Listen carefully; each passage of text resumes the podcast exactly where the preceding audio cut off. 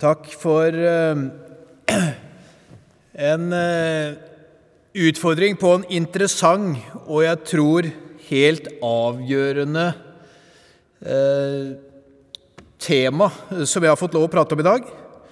Hvordan jordbruket kan fø verden, hvordan vi kan skape mat nok til alle for en fremtid som vi alle kan være bekjent av, og som blir tryggere og bedre for alle.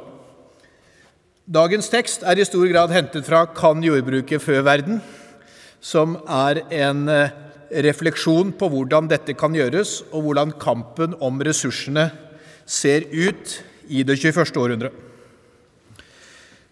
Og denne utfordringen med å fø verden, den har vært mer eller mindre til alle tider.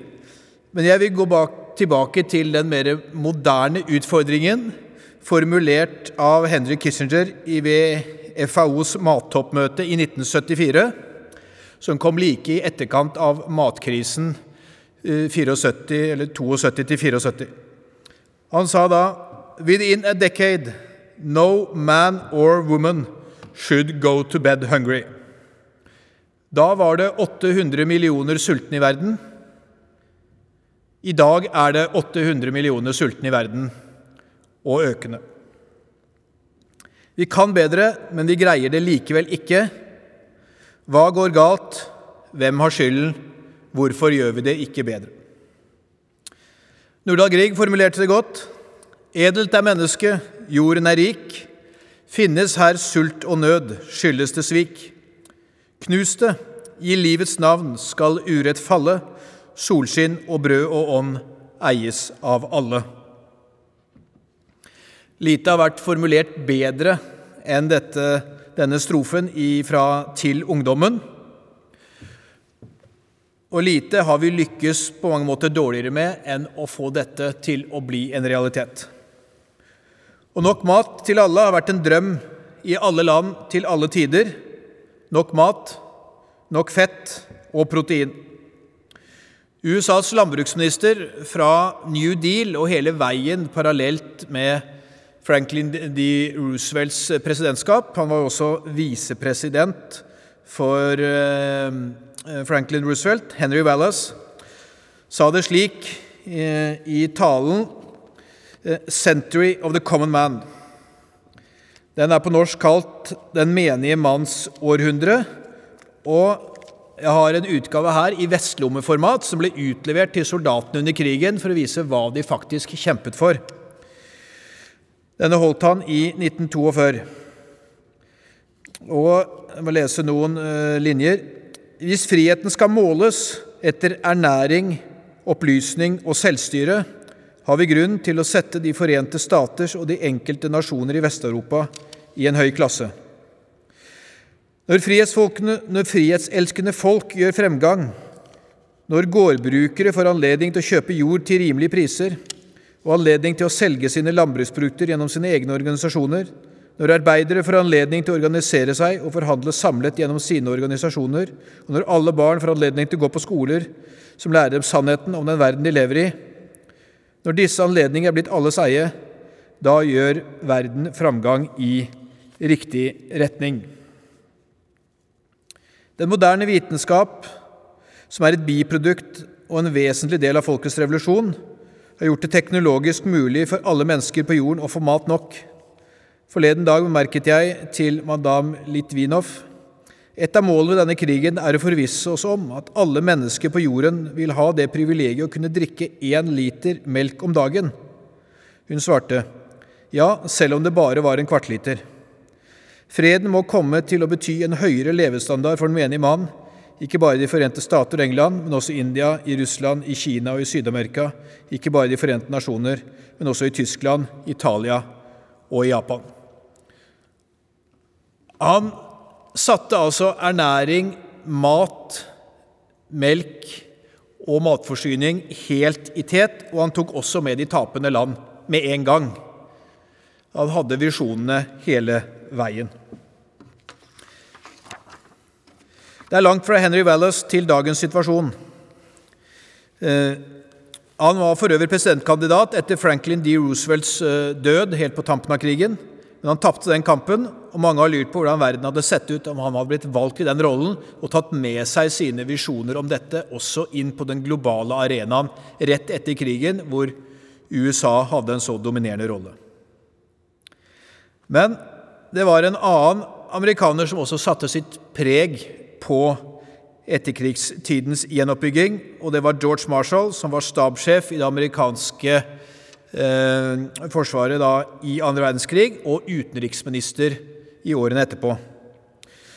Og Fra han stammer jo da Marshallplanen, og talen som startet Marshallplanen, eh, går som følger Bonden har alltid produsert den maten eh, som han bytter med byborgeren for andre deler som du trenger for livsopprettholdelsen.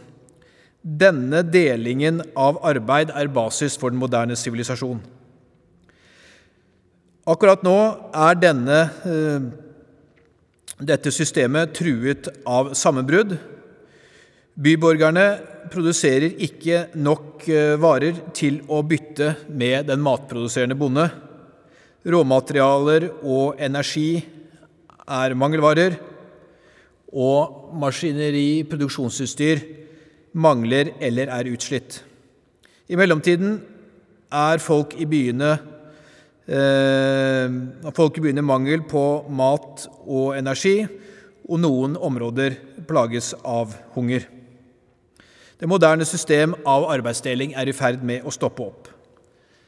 Dette var basisen for Marshallhjelpen. Alt dette er ikke presis for i dag, men mange land opplever det nesten sånn etter det forsyningskriser og den balansering vi nå har med høye matpriser, høye energipriser, i land hvor, folk i utgangspunktet brukte rundt 50 av inntekten sin på mat og energi.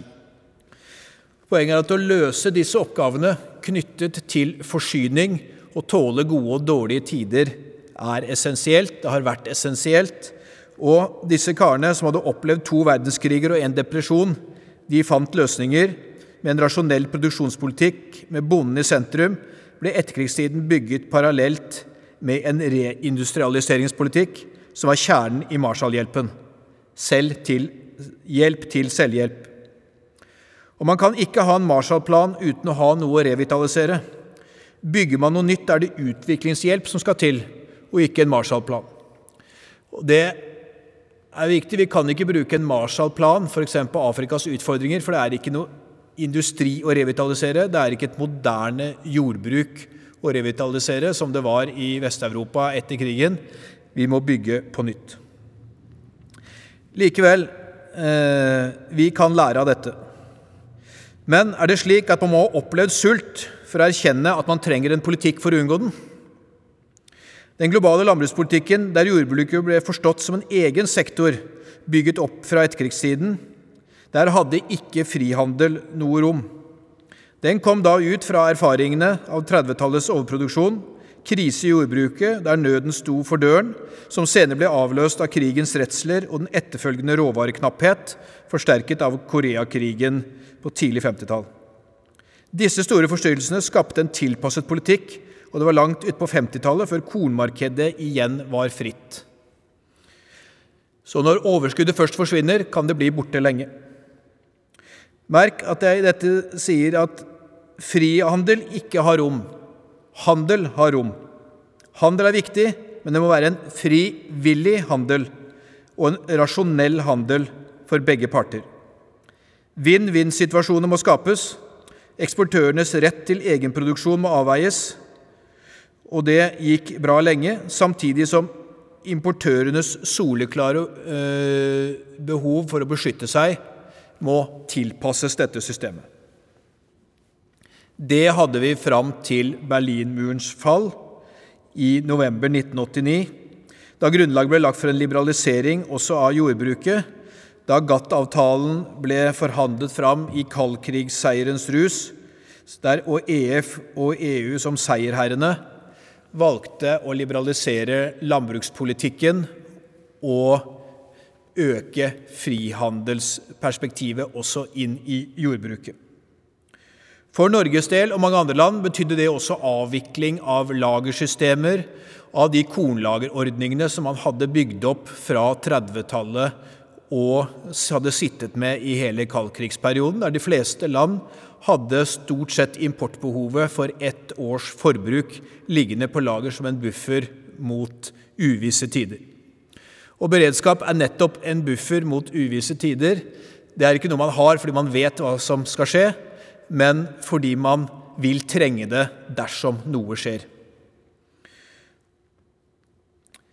Men dette verdensbildet, da ideen om at råvarene kunne flomme inn fra hvor som helst, da rimelig arbeidskraft dro fra øst til vest i Europa og utførte jobber vi selv ikke ville ha, og Kina kunne overta produksjonen av alt vi syntes var for billig, arbeidskrevende eller for forurensende, det er over. Og øh, dette verdensbildet og den tilpasningen som vi så etter Berlinmurens fall og Sovjetunionens oppløsning, fikk et endelig skudd for baugen med koronakrisen av 12. mars 2020 og senere Ukraina-krisen av 24. februar 2022. Globaliseringen og ideen om det globale landsbyen som kan levere det du trenger, når du trenger det, fra hvor som helst i verden, den overlevde finanskrise i 2008-2009, eurokrisen i 2010-2012, migrasjonskrisen i 2015, men ser ikke ut til å overleve koronakrisen og Ukraina-krisen. Festen i Vesten fra 1990 til 2020 med globaliserte verdikjeder og ideer om at varer dukker opp når du bestiller dem, fra hvor som helst, synes over. Og det som erstatter den, er en global råvareboom med høye priser, som jo nettopp er basert på en mangel som vi ikke forutså at skulle komme. Den angår oss alle, og den blir særlig alvorlig når matsikkerheten truer bredt som det nå synes å gjøre, og som det advares mot. Og Utgangspunktet vårt i denne situasjonen er fortsatt 800 millioner som sulter, og frykten er at dette skal øke raskt og betydelig uten at vi har virkemidlene for å hjelpe. Det betyr at situasjonen framstår som uintelligent, uanstendig og uholdbar. Og om man ikke er enig i de to første, så bør man kunne enes om det siste. Situasjonen er uholdbar, og vi må gå dypere inn i materien. Bakgrunnen for Kissingers tale på mattoppmøtet i 1974 var det som er kalt The Great Grain Robbery. Det er betegnelsen på eh, at Sovjetunionens gikk inn på matmarkedet, og særlig kornmarkedet, og i dølgsmål kjøpte så mye korn de kunne før det ble oppdaget av øvrige aktører. Det skyldtes fall i Sovjetunionens egen kornproduksjon og særlig ineffektiv bruk av korn, fordi Sovjet, eh, Sovjets husdyrproduksjon brukte opp mot en dobbelte kornmengde av Vestens for å få fram én kilo grisekjøtt. Vi vet at høynivå planteproduksjon er krevende, men god husdyrproduksjon er minst et hakk eller to vanskeligere. Uansett, når de sikret seg dette overskuddet, da var knappheten et faktum. Og samtidig var det energikrise som delvis ble utløst da av eh, Jom Kippur-krigen i, i eh, Midtøsten, med oljeembargo og eh, bilfrie dager og høye, eh, høye oljepriser. Ikke ulikt i dag. Forskjellen den gang var at da var det fullt mulig å øke produksjonen av korn raskt både i USA og Canada, som hadde hatt noen dårlige år i forkant, og når de fikk noen gode år rett etterpå, så normaliserte dette raskt, og prisveksten ble kortvarig. Vi slapp på en måte med skrekken. Så fikk vi et tilsvarende matvaretoppmøte i 2009, som heller ikke ga varige resultater.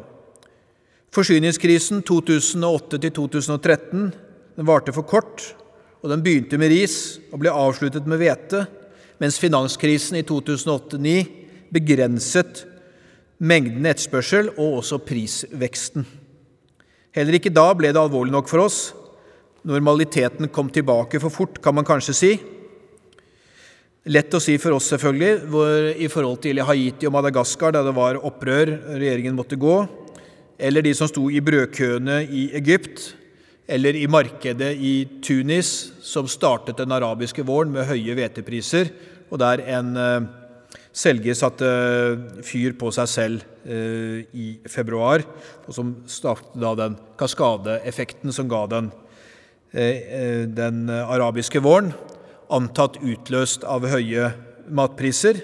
Det var ikke en bakenforliggende årsak, men det var en utløsende årsak. Likevel, det ble ikke tatt alvorlig nok til at det virkelig skapte en endring i vår forståelse av jordbruk og viljen til å satse på jordbruk og en produktiv jordbrukspolitikk i alle land. Og jeg tror at uten verdiene, uten idealene og uten fagforståelsen kommer vi ingen vei. Verden har sviktet i siste generasjon Vi har latt sikkerheten og det langsiktige fare for det umiddelbare, det nåtidige og det som gir raske resultater. Men vi må bygge stein på stein, og det er kun framtidsrettet tenkning om jordbruket, forståelse av, det, av de mange fasettene som må løses for å få fungerende verdikjeder, som kan gi stabile og langsiktige resultater. Og Den generasjonen som bygde opp etterkrigstidens overskudd, hadde som nevnt opplevd to verdenskriger og en eh, dyp økonomisk krise, og de kjente både overskudds- og underskuddsproblemer, og begge må løses. Og Det var det etterkrigstidens jordbrukspolitikk i rimelig grad gjorde fram til et visst punkt. Det ga høyere produksjon og forsyningssikkerhet, basert på to aspekter lønnsomhet og lager, de to l-er, for å sikre nok mat til alle. Gunnar Myrdal oppsummerte slik det er i landbruket den eh, langsiktige økonomiske skjebnen til verden vil bli avgjort. Gunnar Myrdal var en eh, kjent svensk økonom. På mange måter hadde han rett. Vi blir alle bønder om maten svikter. Mann står mot mann, kvinne mot kvinne, voksne mot, mot barn, og normene går i oppløsning. Det må unngås, og det kan ikke tillates at dette skjer i noe land. God råvaretilgang ligger altså til grunn for all økonomi, men i overskuddets rus, i seierens rus, i etterkrigstidens eh, eh, seiersfest fra 1990 og framover, har dette vært glemt. Til nå. Utfordringen vi da står i, med dagens befolkning, som er 7,9 milliarder mennesker, det er i første omgang å skape kjøpekraft for de 800 millioner som sulter. Om kort tid kan det være å skaffe nok mat til alle på et globalt nivå. Fordi vi vet ikke hvordan dette året blir, heller ikke neste år, og hvor lang tid det vil være å komme tilbake til et matoverskudd på globalt nivå. Totalt sett så blir vi et sted mellom 10 og 11 milliarder mennesker i løpet av de nærmeste 50-60 år, ifølge prognosene. Men det skal ikke skremme oss, for de store eksportlandene, dvs. Si Nord- og Sør-Amerika, Russland, Ukraina og EU-landene, har alle normalt store og økende overskudd. Og Gjennom en skikkelig innsats kan dette målet nås, til tross for at et land som India vil kanskje få 1,7 milliarder mennesker i 2050. 30, 300 millioner flere mennesker enn Kina på samme tidspunkt. Og 1,7 millioner mennesker er nesten like mange mennesker som var i hele verden like etter første verdenskrig. Så man har lykkes til nå med å skape et formidabelt overskudd det vil kunne løses videre også, men det forutsetter en kraftig satsing på jordbruket, en kraftig satsing på beredskapsløsninger globalt sett. Da må verdens kornproduksjon øke med opptil 30% fra dagens nivå fram mot 2050, og kjøtt- og melkeproduksjon med det dobbelte av dette innen samme tid. Og vi skal være sikre på at det er mat nok til alle av tilstrekkelig kvalitet. Den klart største utfordringen finnes i landene sør for Sahara, hvor om lag en tredjedel av befolkningen regnes som underernært. Og FN mener Afrika kan få opptil en tredobling av befolkningen i dette århundret, og det innebærer at behovet for mat vil være kanskje fire ganger så høyt som i dag. Og produksjonen må da antagelig øke tre til fire ganger. Ved forrige matkrise beregnet FAO at det var behov for om lag 85 milliarder dollar i årlig investering i jordbruket for at skal greie å fø verden i 2050. Klimaforskerne øket anslagene til over 100 milliarder dollar årlig, og da både for nord og sør. Men eh, G8-landene, altså de rikeste åtte landene, de var villige til å bidra med 7 milliarder årlig den gang i, forhold, i form av bistand. Så forholdet mellom det vi vet trengs, og det som kommer i forhold til bistand, er, er et gap som er fire-fem ganger for lite i forhold til hva som var behov den gangen. Gapet er ikke blitt mindre. All, alt av dette kan ikke finansieres ifra nord, men hovedsakelig så kunne man tenke seg f.eks. en deling. Til sammenligning så brukte de ulike landene, er det anslått, de første årene etter finanskrisen 12 000 milliarder på å redde banker og demme opp for effektene av finanskrisen. Så kontrasten mellom hva det er vilje til å bruke penger på, og de behovene for dette eh, som er for å kunne løse eh, jordbruksutfordringen, er himmelropende, for å si det enkelt. Og skal vi greie å øke matproduksjonen tilstrekkelig, til tross for klimaendringer og knapphet på fossil energi og vann, må hvert land også få fleksibilitet til å velge en nasjonal landbrukspolitikk som er tilpasset de sterkt varierende naturgitte forutsetninger som jordbruket har verden rundt. Kun gjennom dette kan vi utnytte det globale potensial for økt produksjon i lys av eh, at også WTO får et nytt mandat, slik at utviklingen knyttet til klimaendringer, global matsikkerhet, svinnende fossil energi og økonomiske utfordringer blir hensyntatt. Vi må kort og godt bygge en ny tenkning på utvikling, en ny handelspolitisk avtale. Og som vi har vært inne på, Verdens mislykkes i 1974. Det ble med forsøket i 2009. Og nå er det et tredje forsøk på å samle jordbruket og muliggjøre den nullvisjonen om sult som ligger i FNs bærekraftsmål mot 2030. Tiden er da inne nettopp for å fullføre etterkrigstidens produksjonsvekst, som nå har gitt Europa stort matoverskudd. Og dette overskuddet, sammen med Amerikas og Oceanias eh, overskudd, har til nå født verdens eh, importland. Norge er et av dem, med ca. 200 000 eh, tonn import eh, av hvete.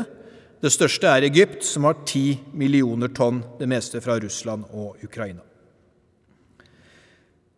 Men det vil trenges mye mat til å fø de områder som aldri kan bli selvforsørget, dvs. Si Nord-Afrika, Midtøsten og deler av Asia. Da gjenstår Afrika sør for Sahara, der også den vesentligste folketallsveksten er. De har store arealer og store muligheter, men et potensial som er vanskelig å utnytte. Det vil kreve mest av dem og litt av oss om dette skal være mulig å gjennomføre. Men også de kan bli selvforsynte.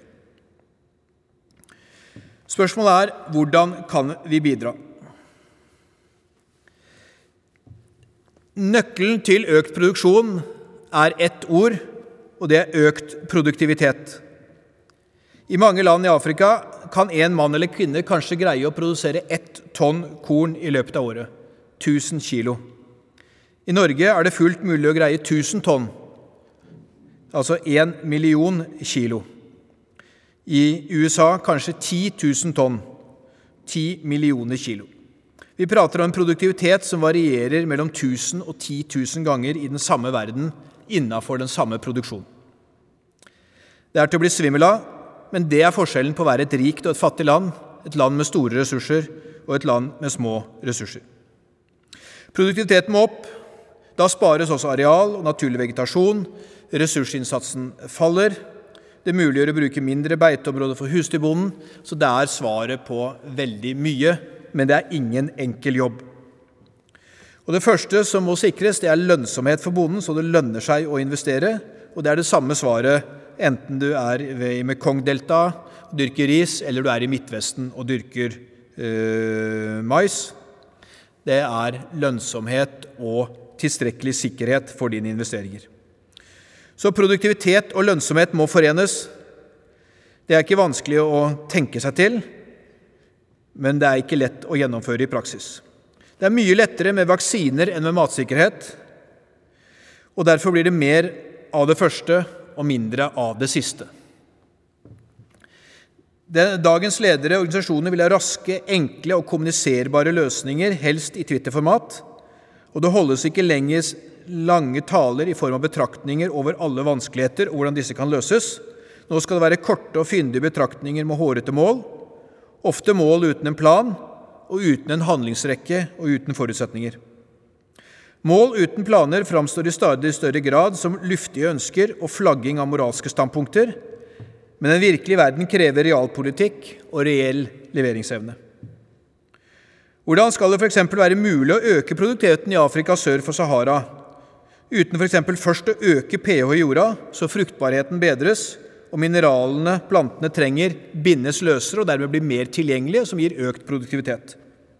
Da trengs kalk i tonnevis per mål for å få opp pH-en før mineralgjødsel virker bedre.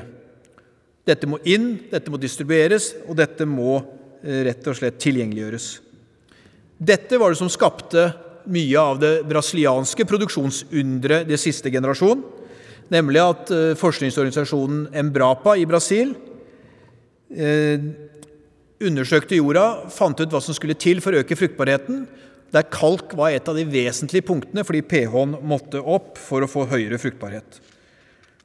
Da skal millioner av tonn vare flyttes, og det fysiske produksjonsapparatet skal bygges for å løse dette her.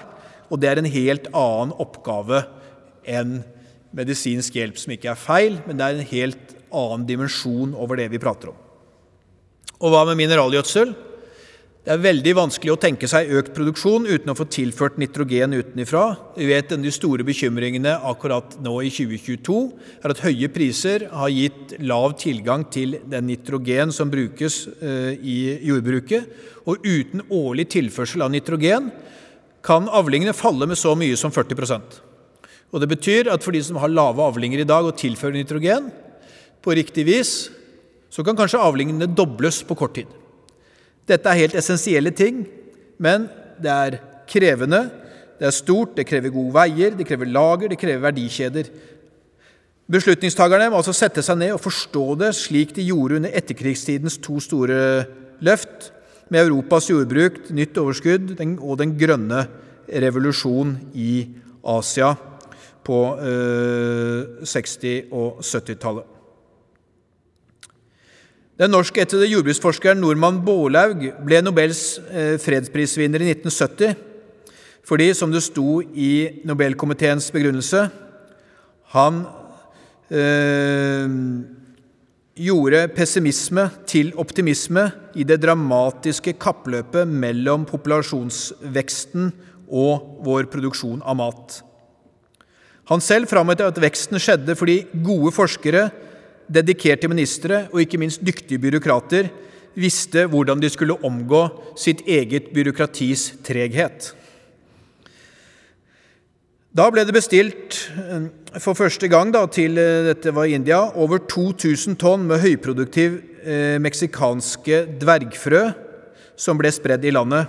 Vanningssystemet ble bygd, gjødsel og sprøytemidler ble distribuert, og i 1972 ble India selvforsynt av eh, hvete, noe de har vært mer eller mindre fram til nå. Noe som gjør at de nå delvis kan fylle eh, bortfallet av Ukrainas eh, eksport, som vi nå opplever. Og Det var en legendarisk seanse mellom Jeffrey Sachs, økonomen fra USA, og nordmann Bårlaug på Yara-konferansen i Oslo i 2007. Da var Bårlaug 92 år. Da understreket Normann Borlaug følgende faktorer som eh, viktige. Transportløsninger, eh, subsidier eventuelt, da, gjødsel og frø. Garanti for avsetning til priser som gjør at produksjonen er lønnsom, gjerne i kombinasjon med samvirker. Trygg kreditt og gode løsninger gjennom verdikjeden og ordninger for lagring av avlingen. Staten og bøndene må fordele rollene slik at systemet optimaliseres. Subsidier må brukes der det er nødvendig. Dette er et forståelig konsept, men det er ikke enkelt. Men vi kan ikke velge de oppgaver som møter oss. Vi må faktisk ta tak i de oppgavene som ligger der, ikke ønske oss en annen oppgave. Få oppgaver er viktigere, få oppgaver er mer omfattende enn å bygge et fungerende landbrukssystem som gir stabil produksjon og forsyningssikkerhet over tid. Den internasjonale suksessen, jeg velger å kalle den det, selv om den har en del svakheter, kan sies å være den grønne revolusjon, eh, som da eh, ble muliggjort bl.a. av forskningen til nordmann eh, Bårlaug. Navnet kom fra lederen for USAs Norad, eller utviklingsinstitusjon, som i en tale for 40 år siden sa at verden ser nå en ny type revolusjon det er ikke en rød revolusjon som i Sovjet, ikke en hvit revolusjon som i Iran, men jeg vil kalle det en grønn revolusjon. De brukte altså en grønn revolusjon for å sikre at mange land ikke ble overtatt av Sovjet, for det var en, en kamp her også mellom eh, kommunisme og kapitalisme, hvor kapitalismen måtte gjøre det litt bedre enn kommunismen for at ikke småbønder og andre frustrerte skulle foretrekke et annet regime. Og det lykkes de med innenfor det som er definert som en statsdrevet og markedsorientert småbondestrategi for å øke nasjonal selvforsyning i matkorn i en rekke asiatiske land fra 1960-tallet og utover. Det er en definisjon på den eh, grønne revolusjonen. Og en statsdrevet, markedsorientert, småbondebasert strategi for å øke nasjonal selvforsyning, det er ikke ulikt det vi akkurat trenger i dag i de landene som ikke har sett det. Den gang var det nasjonal handlekraft og internasjonalt mulighetsrom, ikke minst eh, grunnet frykten både for hungersnød og kommunisme i den globale kampen mellom Sovjet og USA. Ideen om at sultne mennesker ikke gjør opprør, er evig gyldig. Og Det er verdt å merke seg et viktig element i den grønne revolusjonen var fokus på gjennomsnittsbruket. Den lykkes ikke gjennom å satse inn på plantasjer og storskalaproduksjon, Derimot var det livskraftige gjennomsnittsenheter der selveiende bønder og deres familie gjorde jobben, som var målgruppene. Landene tok hånd om sitt eget hjemmemarked. Når det nasjonale markedet er målet, blir det langt lettere for myndighetene å regulere priser og produksjon.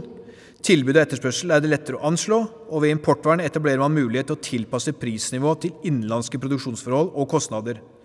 Når det nasjonale markedet så er mettet, er det grunnlag for å ekspandere dersom man har internasjonal konkurransedyktighet og har overskuddsareal og produksjon. Det betyr også at vi trenger en tilpasset handelspolitikk, så hvert land kan få utnytte sitt produksjonspotensial. Sentralt i den grønne revolusjonen sto framgangen i risproduksjonen.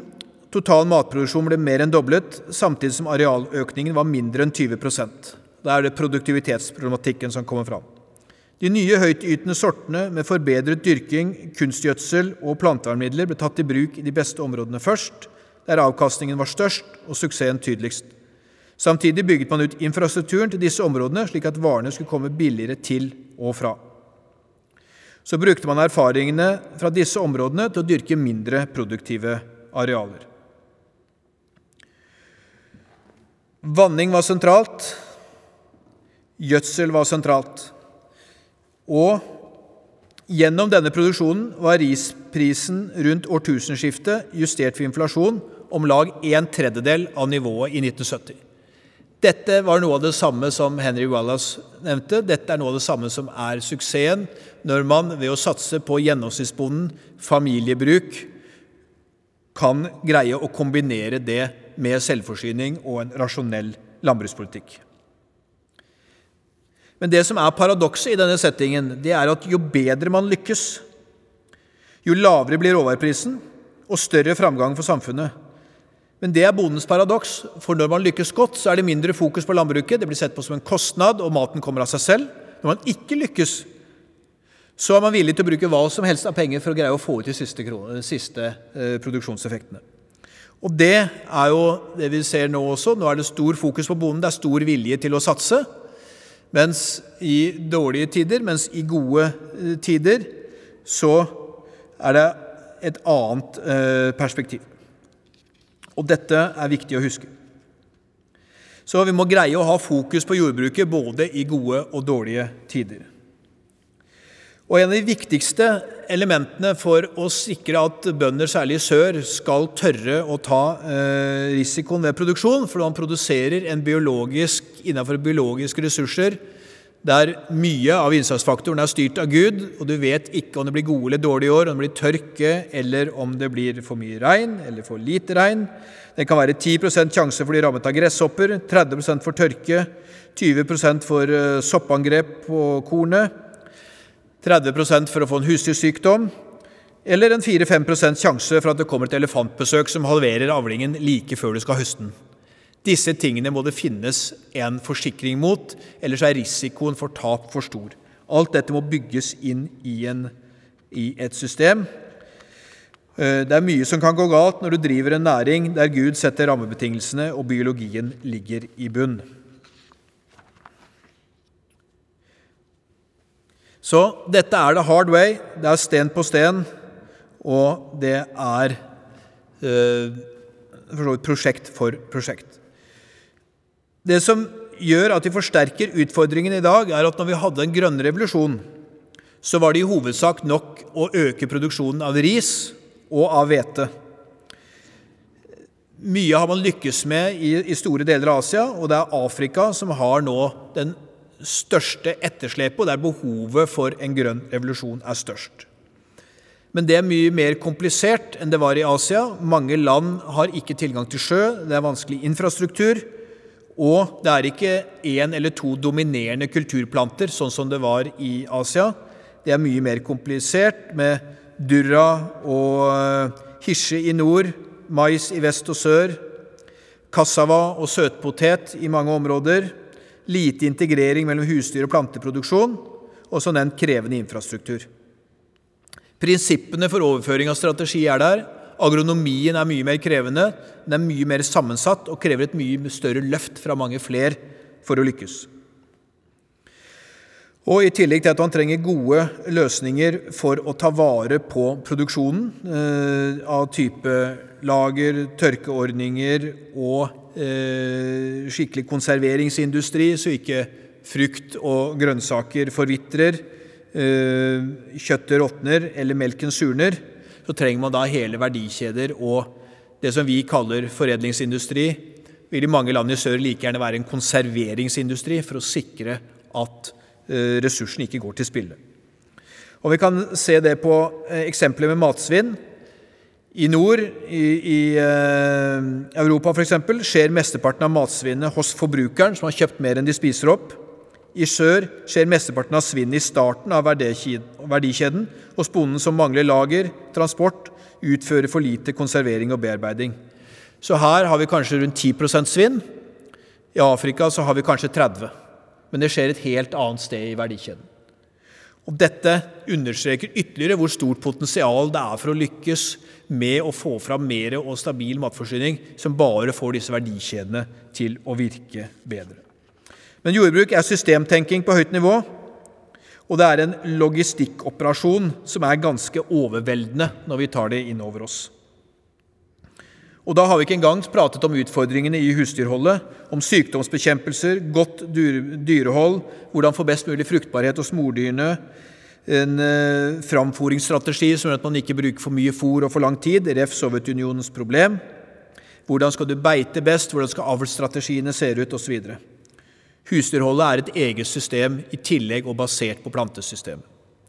Med andre ord det er sammensatt, eh, og det er eh, omfattende. Men vi har kunnskapen, vi vet hva som skal til, men det krever tålmodighet, langsiktighet og systemtenkning. Men En av grunnene til at det også fokuserer mest på planteproduksjonen her, det er at ca. 80% av de kaloriene som øh, mennesker spiser da, på, altså på, energibasis, kommer fra planteproduksjon. 20% kommer fra husdyr. Nå er husdyrproduksjonen sånn sett viktigere enn de prosentene skulle tilsi. For protein bl.a. er helt essensielt å få i tilstrekkelig grad, for vi kan ikke syntetisere alle aminosyrene selv. Men bare som en, eh, en, en saksopplysning. Så det er en unnlatelsessynd at jordbruket har ligget så lavt eh, på satsingslista de siste ti år. Men situasjonsforståelsen er konjunkturavhengig, og jeg tror nå at en lengre råvareknapphet vil måtte endre det forholdet. Vi vil måtte se en helt annen satsing i årene som kommer. Og det vi ser nå, det er i første omgang knapphet på eh, særlig mm, plantefett. Mangel på planteolje som raps, solsikke vesentlig produsert i Ukraina, men også da eksportbegrensninger på palmeolje. Det smitter da igjen over på smørprisene, hvor fettet stiger, det animalske fettet stiger, som kan erstatte eh, planteproduksjon. Så det er sannsynlig at vi vil se vesentlige forstyrrelser gjennom året uten at vi helt vet i hvilket omfang. Og når vi først har, har nådd en knapphet som vi nå ser, så tar det tid å komme tilbake til overskudd. Forrige boom var knyttet til å få Kina inn i, en, eh, i et handelssystem. Nå skal vi håndtere krig et viktig eksportområde. Vi har allerede knapphet på planteoljer, og vi ser at det er begrensninger i eksport av mineralgjødsel, som er det kanskje den viktigste innsatsfaktoren av industrielle produkter som vi har i noen verdikjede, og som selvfølgelig er helt essensiell i jordbruket. Så vi prater om en utfordring som vi vil dra med oss, tror jeg, ganske tydelig, i hvert fall fram til 2025, på ganske bredt felt. Og det gir rom for at vi vil få et løft, at vi vil ta i bruk den kunnskapen som er nødvendig. Alt annet vil være en unnlatelsessynd. Og eh, det er i sør det største potensialet er. Og det er å forvente, hvis vi greier å øve det rette presset, få fram den rette argumentasjonen og politikken, og vi får fram en tenkning som er litt lenger enn det Twitter gir rom for, og litt mer systemisk enn det vi har vært vant til, så vil vi også i Norge og andre land se at vi løfter f.eks. landbruksbistanden vesentlig. På 70-tallet utgjorde den omtrent 30% av totalstøtten. Nå er det rundt 5% Og Det er tilsvarende for de fleste andre vestlige land, og vi ligger ikke lavest. Men dette er i ferd med å snu. Den afrikanske unionen har også eh, begynt å intensivere egen satsing på jordbruk. Og eh, det diskuteres i en helt annen grad også i de vestlige land. Men igjen, det er viljen som teller. Viljen frigjør eller feller, som det heter iblant. Det er vel en universell eh, innsikt. Men akkurat nå så er kanskje den akutte krisen at verdens stater ikke greier å finansiere verdens matvarefond, som akutt trenger penger til å sikre lageret for å kunne være raskt eh, ute når krisen rammer. For vi vet at dette vil, dagens situasjon umiddelbart vil ramme i mange land som ikke har kjøpekraft nok. Så vil det forsterkes i de områdene hvor vi ser betydelig tørke. Og akkurat nå så er det betydelig tørke på Afrikas eh, horn. Og eh, Verdens matvareprogram har vært ute gjentatte ganger og understreket behovet for eh, finansiering. Og som det, eh, som det, ble sagt da ganske eh, i en betydelig trist tone fra Afrikas Horn, at under de tidlige tørkene så har vi mistet eh, sauer, geiter og kuer, men kamelene, de overlevde. Denne gangen så sliter også kamelene. Denne krisen har vi fått et forvarsel om. Vi vet at kombinasjonen av krise i Ukraina og krise i Verdens matvarefond til å kjøpe mat er en, eh, en dødelig krise for mange. Men det er likevel ikke noe påfyll av de pengene til Verdens matvarefond nå. Men det er betydelig vilje til rask våpenhjelp til Ukraina. Og kontrasten kan neppe bli eh, større. Vi har penger til våpen, men ikke til korn i denne akutte situasjonen. Det minner om situasjonen før migrantkrisen i 2015. Da ba også FNs høykommissær den gangen da, om flyktninger om penger til flyktninger i, for å bedre situasjonen i leirene i Syrias naboland. Disse pengene kom ikke, og resten er historie eh, fra den høsten. Det er fascinerende mange eksempler på manglende læringsevne. Og Det er bare å minne om at eh, det er ikke bare nordmann Bårlaug som har fått eh, fredspris for innsats for matforsyning. Også Verdens matvareprogram fikk Nobels fredspris i 2020.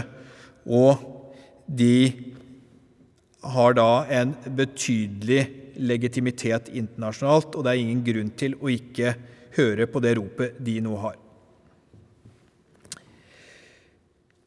I tillegg til satsing på jordbruk og nå umiddelbart Verdens matvareprogram, så, det så vil jeg si noen ord om lager. Og Mye av dramatikken i dagens situasjon ligger i mangel på lager i utsatte land og store importland. Med ett års lager for viktige forbruksvarer i de fleste land og regioner og verden over, hadde vi hatt tid til å vente ut dette. Vi hadde hatt buffere som gjorde at vi slapp å være så bekymret for forsyningssvikt og eh, mangler. Da kan man tåle en regional krig, et års tørke og buffere med det lageret man har liggende. Nå er vi uten buffere på globalt nivå, som vi da hadde før murens fall. Og eh, Man kan spørre seg mye om hvorfor dette skjer, men jeg tror først og fremst er det troen på markedet som gjør det, ideen om seier og usårbarhet etter Berlinmurens fall, og at varer kommer når du ønsker det, for de som har penger, og man har ikke tenkt så mye på de som ikke har penger, og man har likevel tenkt det vil være overskudd der ute. Markedet vant over staten og planleggingen, og troen på markedet den dør ikke så lett. Så for oss som da tror på det tyske SPD-slagordet 'så viel Market wie möglich, så viel Stat wie nötig', altså så mye marked som mulig, så mye stat som nødvendig, så har det vært harde tider. Men vår tid kommer nå. Og jeg syns, ikke minst i Jakob kulturkirke, at det kan være nyttig å lese litt av hevdvunnen kunnskap knyttet til lager, som er ganske presis. Og Det er da fra tredje Mosebok og faraos drøm. Så sa farao til Josef.: Se, i drømmen sto jeg ved elvebredden. Fra elven kom det opp sju kuer, fete og fine, og de begynte å beite i sivet. Etter dem kom det opp sju andre kuer, tynne og magre og stygge. Så stygge kuer har jeg aldri sett i hele Egypt. Og de magre, stygge kuene åt opp de første sju fete kuene. Men da de hadde satt dem til livs, kunne de ikke merkes på dem, de var like stygge som før. Da våknet jeg. I drømmen så jeg også sju kornaks som vokste på ett strå, fulle og gode. Etter dem skjøt det opp sju aks, tørre, tynne og svidd av østavinden. De tynne aksene slukte de sju gode. Dette fortalte jeg til spåmennene, men ingen kunne forklare det for meg. Da sa Josef til farao, farao har hatt en og samme drøm. Gud har latt farao få vite hva han vil gjøre. De sju gode kuene er sju år, og de sju gode aksene er sju år. Det er en og samme drøm. De sju magre og stygge kuene som kommer opp etter dem, er sju år, og de sju kornaksene, tynne og svidde av østavinden, er sju år med hungersnød. Det var det jeg mente da jeg sa til farao, Gud har vist farao hva han vil gjøre. Se, det skal komme sju år med overflod i hele Egypt. Etter dem skal det komme sju år med hungersnød, så all overfloden blir glemt i Egypt. Sulten skal fortære landet. Ingen skal minnes overfloden i landet, for sulten som følge skal bli hard. Når farao hadde samme drøm to ganger, er det fordi det er fastsatt av Gud. Han vil skynde seg å gjøre det. Nå må farao se seg ut en vis og forstandig mann og sette ham over Egypt. Farao må gripe inn. Han må peke ut tilsynsmenn over landet og kreve inn en femtedel av avlingen fra Egypt i de syv årene med overflod. De skal samle all maten fra de gode årene som kommer, og lagre tresket korn under faraos beskyttelse og ta vare på det. Maten skal være forråd for landet i de syv årene med hungersnød som kommer i Egypt. Da skal ikke landet gå til grunne av sult. De sju gode årene i Egypt tok slutt. Så begynte de syv årene med hungersnød, slik Josef hadde sagt. Da ble det hungersnød i alle land, men i hele Egypt var det mat. Da hele Egypt led av sult, ropte folket til farao etter brød, og han sa til dem, Gå til Josef og gjør det han sier dere. Det ble hungersnød over hele jorden. Da åpnet Josef alle lagrene og solgte korn til egypterne, for hungersnøden var hard i Egypt. Og all verden kom til Egypt for å kjøpe korn av Josef, for hungersnøden var hard over hele jorden. Det er jo en ganske presis beskrivelse av hvordan det kan løses, og den er ganske gammel og ganske full av innsikt. Syv år høres røft ut, så det er vel i overkant. Men situasjonen er ganske eh, forbilledlig beskrevet. Og Det betyr at verden må legge til rette for en produktiv jordbrukspolitikk for produktivitet og lønnsomhet i alle land, og de ulike landene må respondere. De må opprettholde produksjonen der den er god i dag, den må videreutvikles i disse. Og det må bygges operasjonelle lagersystemer i importlandene og i regioner med stor avhengighet og sårbarhet. Les Afrika. Det gode er at dette er gjort før, vi vet hva som skal til, og mye av dreieboka fra etterkrigstiden kan brukes og tilpasses vår tid og utfordringer, herunder klimaendringene. Tidspunktet er godt fordi ideen om det globale landsbyen med evig fred fra murens fall og Sovjetunionens oppløsning over. Virkeligheten vender tilbake. Det er ikke rocket science å få dette til, men det krever at mange mennesker som har trodd på en illusorisk fortelling, må ta et oppgjør med seg selv. Det er som kjent ikke helt enkelt.